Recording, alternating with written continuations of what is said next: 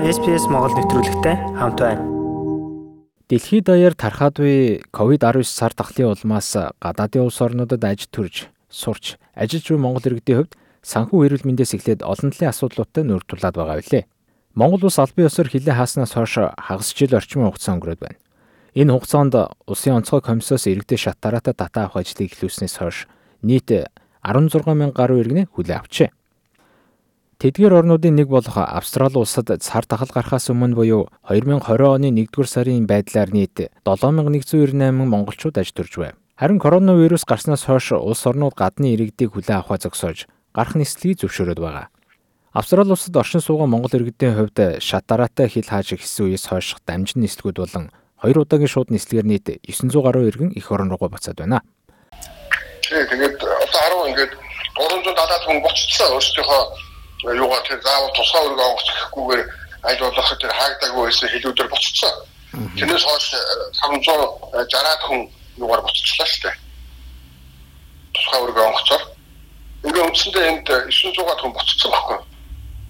Австрали дахь Монгол улсын элчин сайдын яам 3 дугаар сарын 17-оос хойш буцах хүсэлтийн иргэдийн үргэлжлэлийг байнга хүлээн авч байгаа бөгөөд 8 дугаар сарын 7-ны байдлаар 1139 хүн буцах хүсэлтэд ирүүлээд байгааг нь цаашдаач Монгол буцах иргэдийнхээ өргөлийг хүлээж авсаар байх болно гэдгээ элчин сайд Чулуунхүү хэлсэн юм.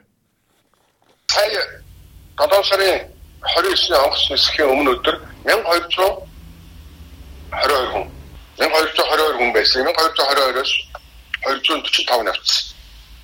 Тэгээ өөрөөр 80 эд өргөл нэмэгдээд одоо дахиад өчигдрийн байдлаар 1139 байсан. Өнөөдөр ингээд 1240 дахиад зарим хүн иш чахад зарим иргэд бохондч 1200-аас өө тоо мэдгүй мө хотлаа ирээд хуураад байна гэж бид нар одоо яхаараа юм те. 1200 хүний өргөдлийг бид нэр дарах хүний өргөдлийг авахгүй байх. Тэгэхээр өргөдлийг авахгүй байх дарах биднэрт ирэх байхгүй. Цаашаа дамжуулахгүй байх ирэх байхгүй.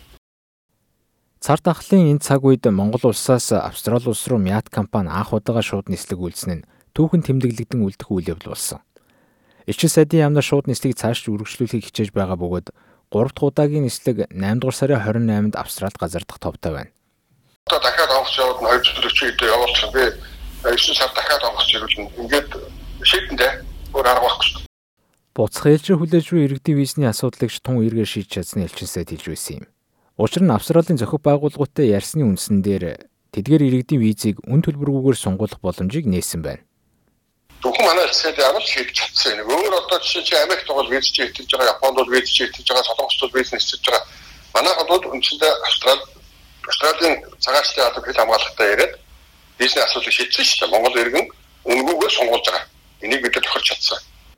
Ийхүү Монгол бус хэрэгтэй асуудлыг нааштай шийдэж байх зуур Австрали улсын зарим мужид коронавирусын халдварын дарахад огцом нэмэгдээд байна. 2020 оны 8 дугаар сарын 8-ны байдлаар Австрали улсын хэмжээнд коронавирусын халдварын нийт 21397 тохиолдол бүртгэгдэж, эндэгдлийн тоо 313 түрээд байна. Нин ялангуяа Викторийн мужид тархалт хяналтаас гарч халдвар осон хүмүүсийн тоо 15000 төгссөн бөгөөд тус муж гамшигын байдалд бүрэн шилжиж байгаа юм. Мельбурн хот орой 8-аас өвөрийн 5 цаг хүртэл бүрэн хөл хорой тогтоох зэрэгээр иргэдийнхэн зорчих хөдөлгөөнд хатуу хязгаарлалт тогтооход байгаа болохыг Мельбурны их сургуулийн оюутан Нинж Бадгар хэлсэн юм. Мельбурн хотод бол stage 4 локдаун орсон. Маа 7 сарын 22-наас эхлээд 9 сарын 14 хүртэл орсон. Тэгээд би тэгээд болохоор өдөрт нэг цаг гэрээсээ 5 км нартаар гарч тасгал хийж болно.